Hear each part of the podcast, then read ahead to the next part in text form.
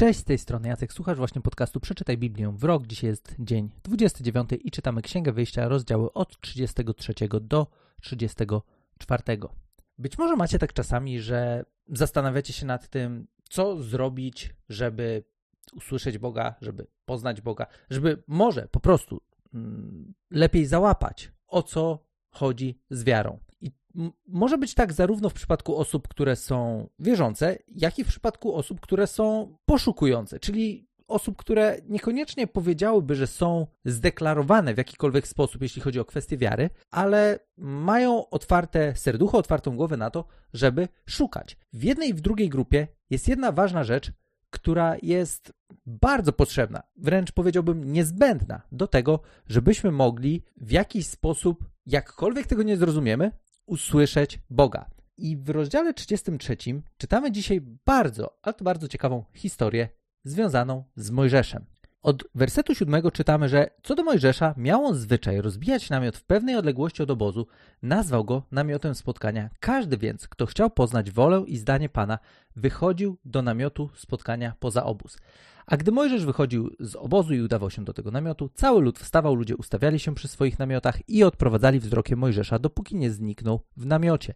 A ilekroć Mojżesz wszedł do namiotu, słup, słup obłoku zstępował i zatrzymywał się u jego wejścia. Wówczas Pan rozmawiał z Mojżeszem. Na widok tego słupa obłoku, przy wejściu do namiotu, każdy wstawał i kłaniał się, pozostając przy swoim namiocie. Pan natomiast rozmawiał z Mojżeszem twarzą w twarz, jak człowiek ze swoim przyjacielem. Gdy potem Mojżesz wracał do obozu w namiocie, pozostawał jego sługa Jozue. Ten nie opuszczał namiotu. Był on synem Nuna i młodym wówczas człowiekiem. Ta historia jest świetną lekcją tego, co takiego my możemy praktycznie zrobić w życiu, żeby poznać wolę Boga, żeby zbliżyć się do Boga, żeby w ogóle sprawdzić, o co z tym Bogiem chodzi. I zasada, którą tutaj nam pokazuje Mojżesz swoim zachowaniem, to jest to, że on stworzył wyjątkową przestrzeń do tego, żeby z Bogiem się spotykać. I teraz jedna ważna rzecz. Jeżeli czytamy to, to być może się zastanawiamy też, ok, gdzie ten Mojżesz tak naprawdę wychodził. Przed chwilą czytaliśmy opis e, namiotu, który Bóg chciał, żeby zbudować po to, żeby ludzie mogli zbliżać się do niego, a tutaj mamy opis Mojżesza, który brał jakiś namiot i wychodził poza obóz. To zdecydowanie nie są te same namioty i gdybyśmy spojrzeli na to, jakie jest zdanie ogólnie specjalistów od Biblii, to większość tych, których ja znalazłem, zgodziłaby się z tym, że tutaj najprawdopodobniej chodzi o to, że zanim ten przybytek, odnośnie którego Bóg dał bardzo precyzyjne instrukcje, powstał, Mojżesz już wtedy dbał o to, żeby mieć miejsce do tego, żeby spotykać się z Bogiem i miał taki swój tymczasowy namiot, zanim powstanie ten przybytek, o którym czytaliśmy wcześniej. To, co jest ważne w pierwszej kolejności, to to, że Mojżesz miał zwyczaj rozbijać namiot w pewnej odległości od obozu. Pierwsza rzecz, miał zwyczaj. W jego codziennym grafiku było gdzieś to, że każdego dnia, być może o określonej porze, miał przestrzeń do tego, żeby spotykać się z Bogiem.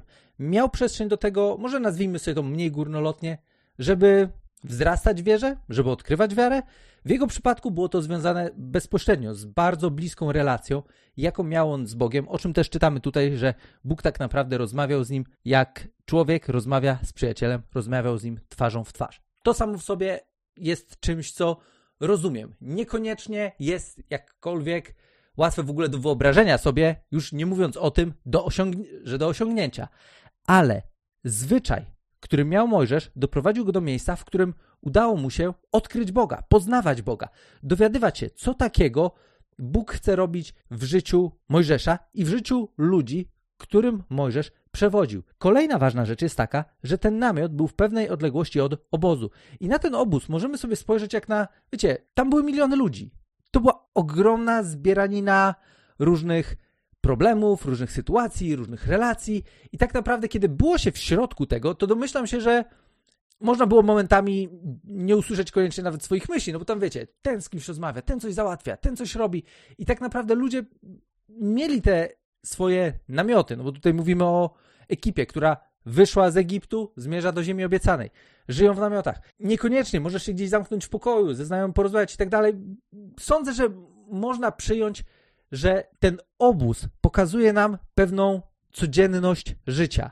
gdzie jest głośno, gdzie różne rzeczy do nas docierają. Być może docierają do nas rzeczy, które nie chcemy, żeby do nas docierały, ale mimo wszystko jest masa rzeczy, które walczą o naszą uwagę. I w tej sytuacji mamy Mojżesza, który bardzo intencjonalnie, w bardzo zaplanowany sposób wychodzi poza ten obóz na pewną odległość, po to, żeby tam mógł spotykać się z Bogiem. I prowadzi to do tego, że udaje mu się z tym Bogiem mieć naprawdę niesamowicie bliską więź. Jest to coś samo w sobie wyjątkowego i dla nas może być o tyle inspiracją, że jeżeli patrzymy na swoje życie, bez względu na to, czy jestem osobą wierzącą, czy jestem osobą poszukującą, czy jestem osobą niewierzącą, jeżeli chcę odkryć Boga, to muszę mieć jakąś przestrzeń do tego, żeby ten Bóg mógł do mnie coś powiedzieć. I nie załatwi nam sprawy to, że powiemy, jak Bóg chce, niech mi coś powie. Jak Bóg chce, niech mi się objawi. Jak Bóg chce, to to tak nie działa. Tak naprawdę od początku tej historii, którą tutaj widzimy, Bóg szuka ludzi, którzy będą gotowi do tego, żeby też szukać Jego. I sam ten koncept szukania Boga, on jeszcze będzie się pojawiał. Będą wersety na ten temat, gdzie Bóg będzie mówił o tym, że On daje się znaleźć tym, którzy Go poszukują. Ale to będzie się często zaczynało od tego, czy w nas jest chęć do tego, żeby w pewien sposób odciąć się od wszystkiego, co się dzieje i znaleźć przestrzeń do tego, żeby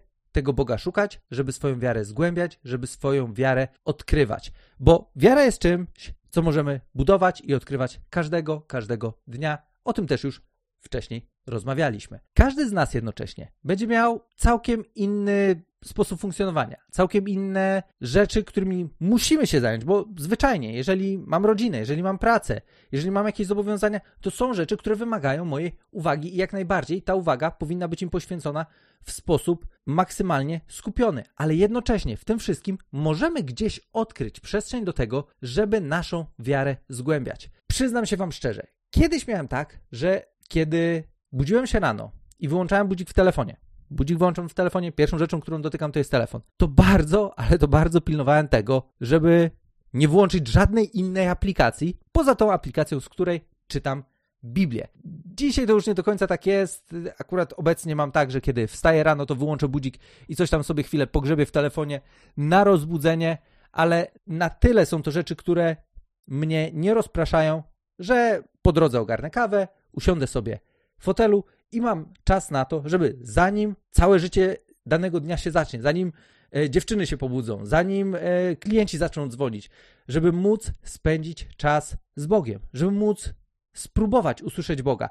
I rzeczywistość jest taka, że to nie będzie tak, że każdy dzień będzie jakimś ultra wyjątkowym spotkaniem, po którym ja, wiecie, wstanę z fotela i powiem, wow, w ogóle co to było dzisiaj? Często to są być może jakieś drobne fragmenty, które akurat wpadną mi w oko. Fragmenty, które sobie zaznaczę. Fragmenty, którymi później z wami się też tutaj podzielę. Bardzo często niepozorne rzeczy zbierają się w jedną całość, która pozwala wzrastać w wierze każdego dnia. I wymaga to, nie chcę mówić, że ogromnej, ale wymaga to pewnej dyscypliny. I wymaga to tego, żeby zbudować sobie nawyk. Bo jeżeli my nie zaplanujemy sobie czasu na to, żeby mieć przestrzeń dla Boga, no to najprawdopodobniej go nie znajdziemy, bo będzie masa innych rzeczy, które odciągną naszą uwagę. I czasami jest tak, że kiedy mm, z kimś się umawiam, planujemy jakieś spotkanie, to ogólna zasada jest taka: jeżeli nie ma tego w kalendarzu, to to się nie wydarzy. Jeżeli chcę się z kimś umówić, chcę się z kimś spotkać, to musi się znaleźć w kalendarzu. W przeciwnym razie szansa jest taka, że skończy się tak jak w większości przypadków, z którymi pewnie możecie się utożsamić, kiedy rozmawiasz ze znajomym i mówisz: No to spotkajmy się, to się kiedyś spotkamy, to się dzwonimy. Jeżeli nie ustalimy, kto, kiedy, do kogo, w jaki sposób, to się nie wydarzy. Szansa na to, że to się wydarzy jest prawie żadna. Jeżeli w ogóle coś z tego wyjdzie, to będzie to zazwyczaj dziełem przypadku.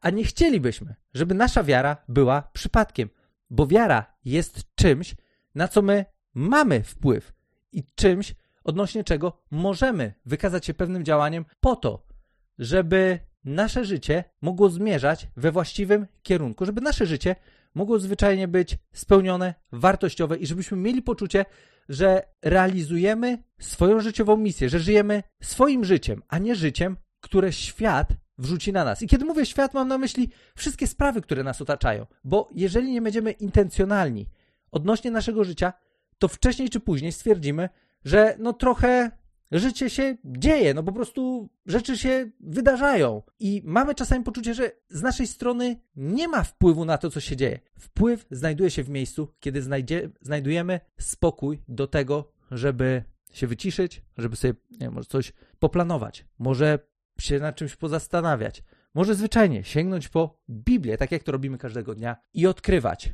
w jaki sposób mogę prowadzić swoje życie tak, żebym to ja miał nad nim kontrolę, a nie żeby życie przejmowało kontrolę nade mną. I jeszcze jedna ważna rzecz, którą tutaj w tej historii mamy, to jest to, że Możesz nie był tam sam. I nie mówię tutaj o tym całym ludzie, który wiecie, gdzieś tam patrzył, obserwował, co tam się dzieje, co ten Mojżesz tam robi. To jest ciekawe, że jako ludzie często mamy tak, że jeżeli nawet już jest ktoś, kto jakoś inspiruje nas swoją wiarą, to on staje się dla, może się dla nas stać łatwo. Taką osobą, że hej, no on to jest ten, ja od niego chcę się uczyć, ja chcę... I okej, okay, nie mówię, że nie, nie mówię, że nie jest ważne to, żeby mieć w swoim życiu ludzi, którzy są dla nas inspiracją w duchowym rozwoju, ale najważniejsze jest to, żebyśmy my przede wszystkim dla siebie byli inspiracją w duchowym rozwoju, żebyśmy nie cedowali odpowiedzialności za nasz duchowy rozwój na ludzi, których być może nawet osobiście nie znamy, tylko słuchamy w jakimś podcaście, tak jak robisz to właśnie teraz. I oczywiście mam nadzieję, że to, o czym rozmawiam tutaj, jest dla Was jak najbardziej wartościowe, że pomaga Wam stawiać kolejne kroki wiary. Ale mamy też w tej historii postać Jozuego, który czytamy, że gdy Mojżesz wracał do obozu, w namiocie pozostawał jego sługa Jozue.